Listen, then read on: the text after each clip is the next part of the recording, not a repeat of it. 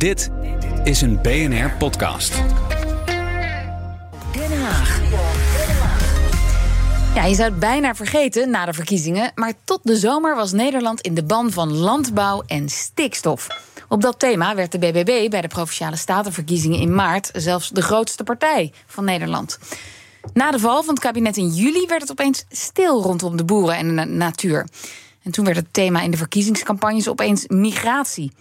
Tot vandaag zou je kunnen zeggen, want op dit moment wordt er als vanouds weer gedebatteerd over landbouw en stikstof in Den Haag. Politiek verslaggever Leonard Beekman, goedemiddag. Goedemiddag, Kees en Lisbeth. Ja, ik dacht misschien werd jij zelfs een beetje nostalgisch vandaag. Van, oh ja, stikstof. Ja, ik had wel een beetje zoiets van. Uh, we hebben het er weer over, hè? Ja. Want wat je al zei, mijn, de eerste helft van mijn jaar was ja, over het algemeen met landbouw bezig zijn, met stikstof bezig zijn. We hebben natuurlijk dat landbouwakkoord gehad. Nachtenlang doorgebracht op een ministerie, op De bij een landhuis. Demonstraties. Ja, en dat was ineens weg na de zomer. En vandaag hadden we het weer over natuur en stikstof. En ja, dat was ook wel weer een flashback, want eh, er kwam veel terug. Wat al eerder in debatten besproken is, moet ik eerlijk zeggen. Ja, wel met een nieuwe Kamer natuurlijk. Maar goed, dat, dat debat vandaag. Hè. Laten we maar bij het begin beginnen. Is het probleem rondom de natuur en de stikstof al opgelost? Wat zou dat mooi zijn als dat daadwerkelijk zo, hè, aan het einde van 2023, daadwerkelijk gebeurd zou zijn. Zou mooi zijn voor boeren, voor de natuur, maar ook voor bijvoorbeeld de bouw. ehm, voor bedrijven eh, waar eh, eh, Schiphol of het, de havens, de energietransitie, vergunningen. Maar nee, het probleem is vandaag ook in de Tweede Kamer met de nieuwe Tweede Kamer niet opgelost. En, en wat voor soort debat was het? Ja, toch wel een bad met veel irritaties en emoties. En kan je dat ook goed laten horen? Bijvoorbeeld Pieter Ginwis van de ChristenUnie. Het valt hem toch zwaar. Mag nu eh, ruim eh 2,5 jaar volksvertegenwoordiger zijn. En dat is een geweldig voorrecht om dit ambt te mogen vervullen. Maar het woordvoederschap, land- en tuinbouw, visserij en natuur... is me die tijd zwaar gevallen. Ja, want er is veel gesproken en eh, de gemoederen liepen af en toe hoog op. En dan is er ook nog niet zo heel veel gebeurd. Tom van Kampen van de VVD beseft zich dat ook. Voorzitter, eh, hoewel de samenstelling van deze Kamer sinds een maand behoorlijk is veranderd, is de situatie voor vissers, boeren, tuinders en telers dat zeker niet. Nee, en er is natuurlijk wel iets gebeurd, maar nog te weinig. Laura Bromet had ook een opvallende bijdrage tijdens het eh, debat van GroenLinks Partij van de Arbeid. Want zij heeft nu eigenlijk de houding van zoek het met elkaar allemaal maar uit. Maar feit is dat we nu een Tweede Kamer hebben waarbij de meerderheid van de leden vindt dat, het, ehm, dat de stikstofwet gerepareerd moet worden, dat de KRW uit de wet moet, dat er een drempelwaarde ingevoerd moet worden, dat technologie de oplossing van alles is. Ehm, nou, al die teksten die we de afgelopen jaren in de talloze debatten hebben gehoord, die, die, die horen weer voorbij komen. En GroenLinks PvdA heeft er helemaal geen vertrouwen in dat dat de problemen gaat oplossen. Ja, en ze zegt dan ook. eh, de mensen die op deze partijen hebben gestemd, kom niet bij mij als het niet lukt. Maar ga naar de partij waarop je gestemd hebt. Esther Ouwehand keek even terug naar het landbouwbeleid van de afgelopen 40 jaar. Waarbij ze zegt. We hadden kunnen zien dat het misging. En ook zij komt met een soortgelijke boodschap als dat Bromet van GroenLinks Partij van de Arbeid eerder al had. je al sinds 1965 weet dat daar voor de langere termijn grote nadelen aan zitten. en je handelt daar niet naar. dan wordt het wel een keertje tijd om te zeggen: ja, maar kom niet bij ons huilen. Kom niet bij ons huilen. Of je blijft de problemen ontkennen. Hier een beetje millimeteren, daar een beetje millimeteren. Dat mag ook. Maar zeg dan vandaag tegen boeren: als de problemen weer niet opgelost zijn, dan kan je bij ons terecht. Ja, en we hebben nu een nieuwe Kamer. En we hebben partijen die in ieder geval met elkaar in gesprek zijn. En ook anders kijken naar het landbouwbeleid dan dat de huidige coalitie dat doet. Alleen de VVD praat nog mee uit de oude coalitie. Ja, en het is dan aan een nieuw kabinet, dus we moeten nog even afwachten. eh, voordat we weten welk, met, met, met welk beleid zij gaan komen. Ja. En zit het er dan nu ook op voor landbouwminister Piet Adema en de stikstofminister Van der Wal? Nee, ehm, maar ze staan er wel beide heel anders voor. Te beginnen even bij Piet Anema. Het landbouwakkoord is natuurlijk geklapt. En hij kijkt ook niet met veel genoegen terug op het afgelopen jaar. Een heel heftig jaar. Eh, vooral voor de sectoren die, die je hier noemt. Hè, de landbouw, eh, de boeren, maar ook de visserij. Eh, er zijn heftige besluiten genomen. En wij zijn niet in staat geweest om perspectief te bieden tot, tot op heden. Dat realiseer ik me heel goed. We waren heel goed op weg met een heel mooi landbouwakkoord.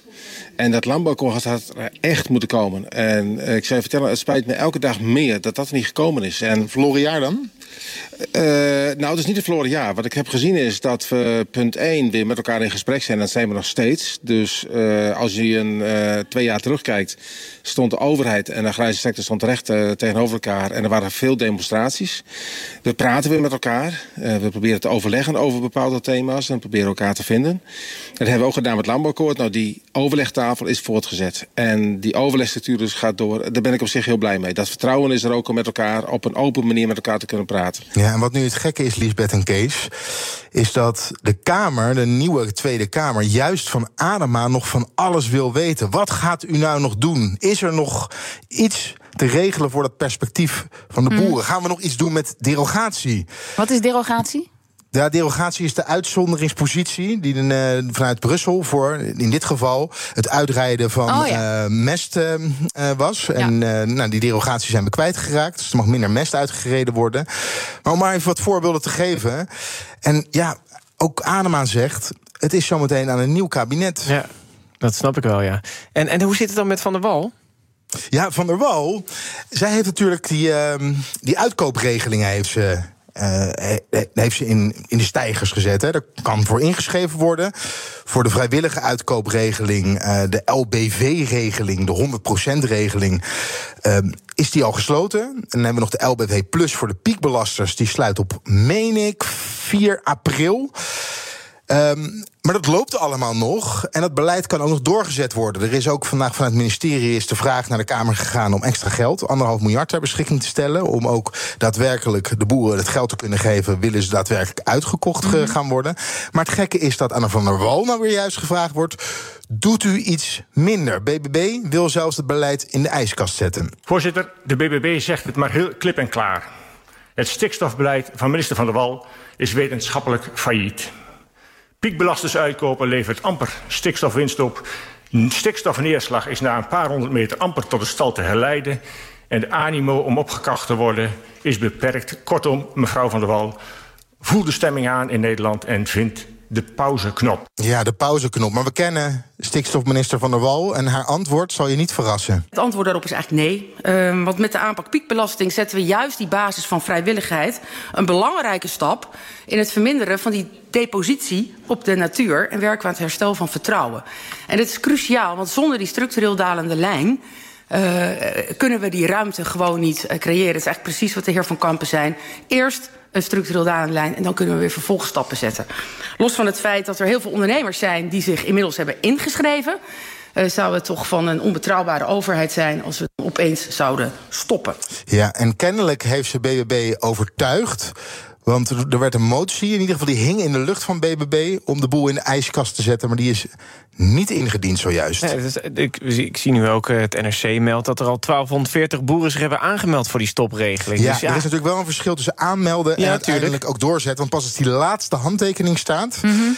um, ja, wordt het geld ook, uh, dan gaan de boeren ook echt stoppen en wordt het geld uitgekeerd. En we weten ook dat boeren zich in ieder geval uit voorzorg, omdat er ook een deadline was, zich aangemeld hebben. Maar ze kunnen altijd nog terug. Dus de vraag is hoeveel boeren daadwerkelijk zich uiteindelijk laten uitkopen. Maar goed, er is uh, eind 2023 een, een, een, andere werkelijkheid dan aan het begin van het jaar. Ja. Er zitten partijen aan een formatietafel.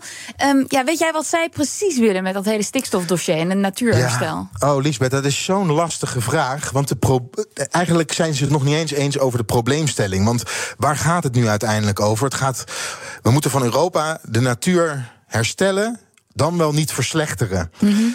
En dan moet je je eerst afvragen: van, vinden we eigenlijk wel dat de natuur hersteld moet worden? Nou, daar wordt al anders over gedacht. Bijvoorbeeld de PVV ziet het probleem helemaal niet. Dan is de vraag: komt dat door stikstof dat de natuur verslechtert?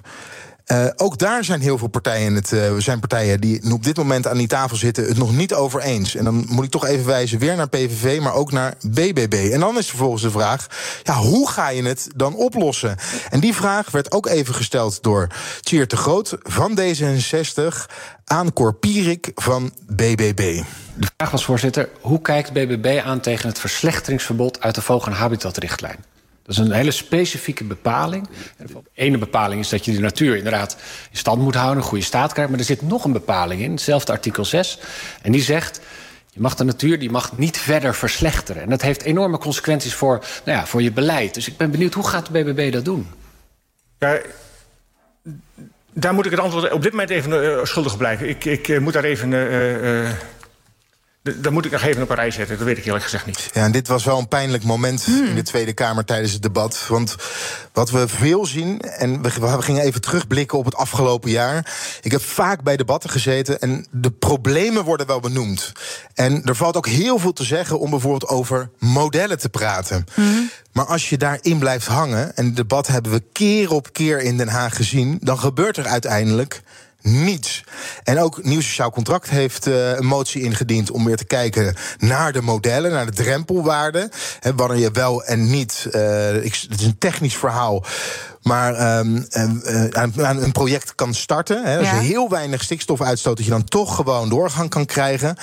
Ja, de vraag is of dat bij de Raad van State stand gaat houden. Als het dus he, bij de, de rechter terechtkomt. De VVD zegt daarover. Wij gaan alleen maar met plannen mee die juridisch gezien echt haalbaar zijn. Geen geitenpaadjes meer. Dus zometeen ook aan die tafel waar ze aan het onderhandelen zijn. Zal net zoals waar we het al eerder over gehad hebben. Over financiën. Nou, die rechtsstatelijkheid hebben we het al over gehad. Uh, zal het ook op het gebied van landbouw, uh, natuurherstel en ja, stikstof maar, een lastig gesprek worden. Maar Leendert, ik krijg gewoon een soort flashback. Dit zijn toch onderwerpen die we al behandeld hebben zien worden? Daar is toch al uitgebreid over gedebatteerd, de modellen, of het ja. een probleem is of niet? Maar dan uh, ga ik toch eventjes een klein een stapje terug in het gesprek van net. Als je het over het pro probleem niet eens bent, dan is het heel moeilijk om tot een oplossing te komen. Dat lijkt mij Eigenlijk ook. onmogelijk.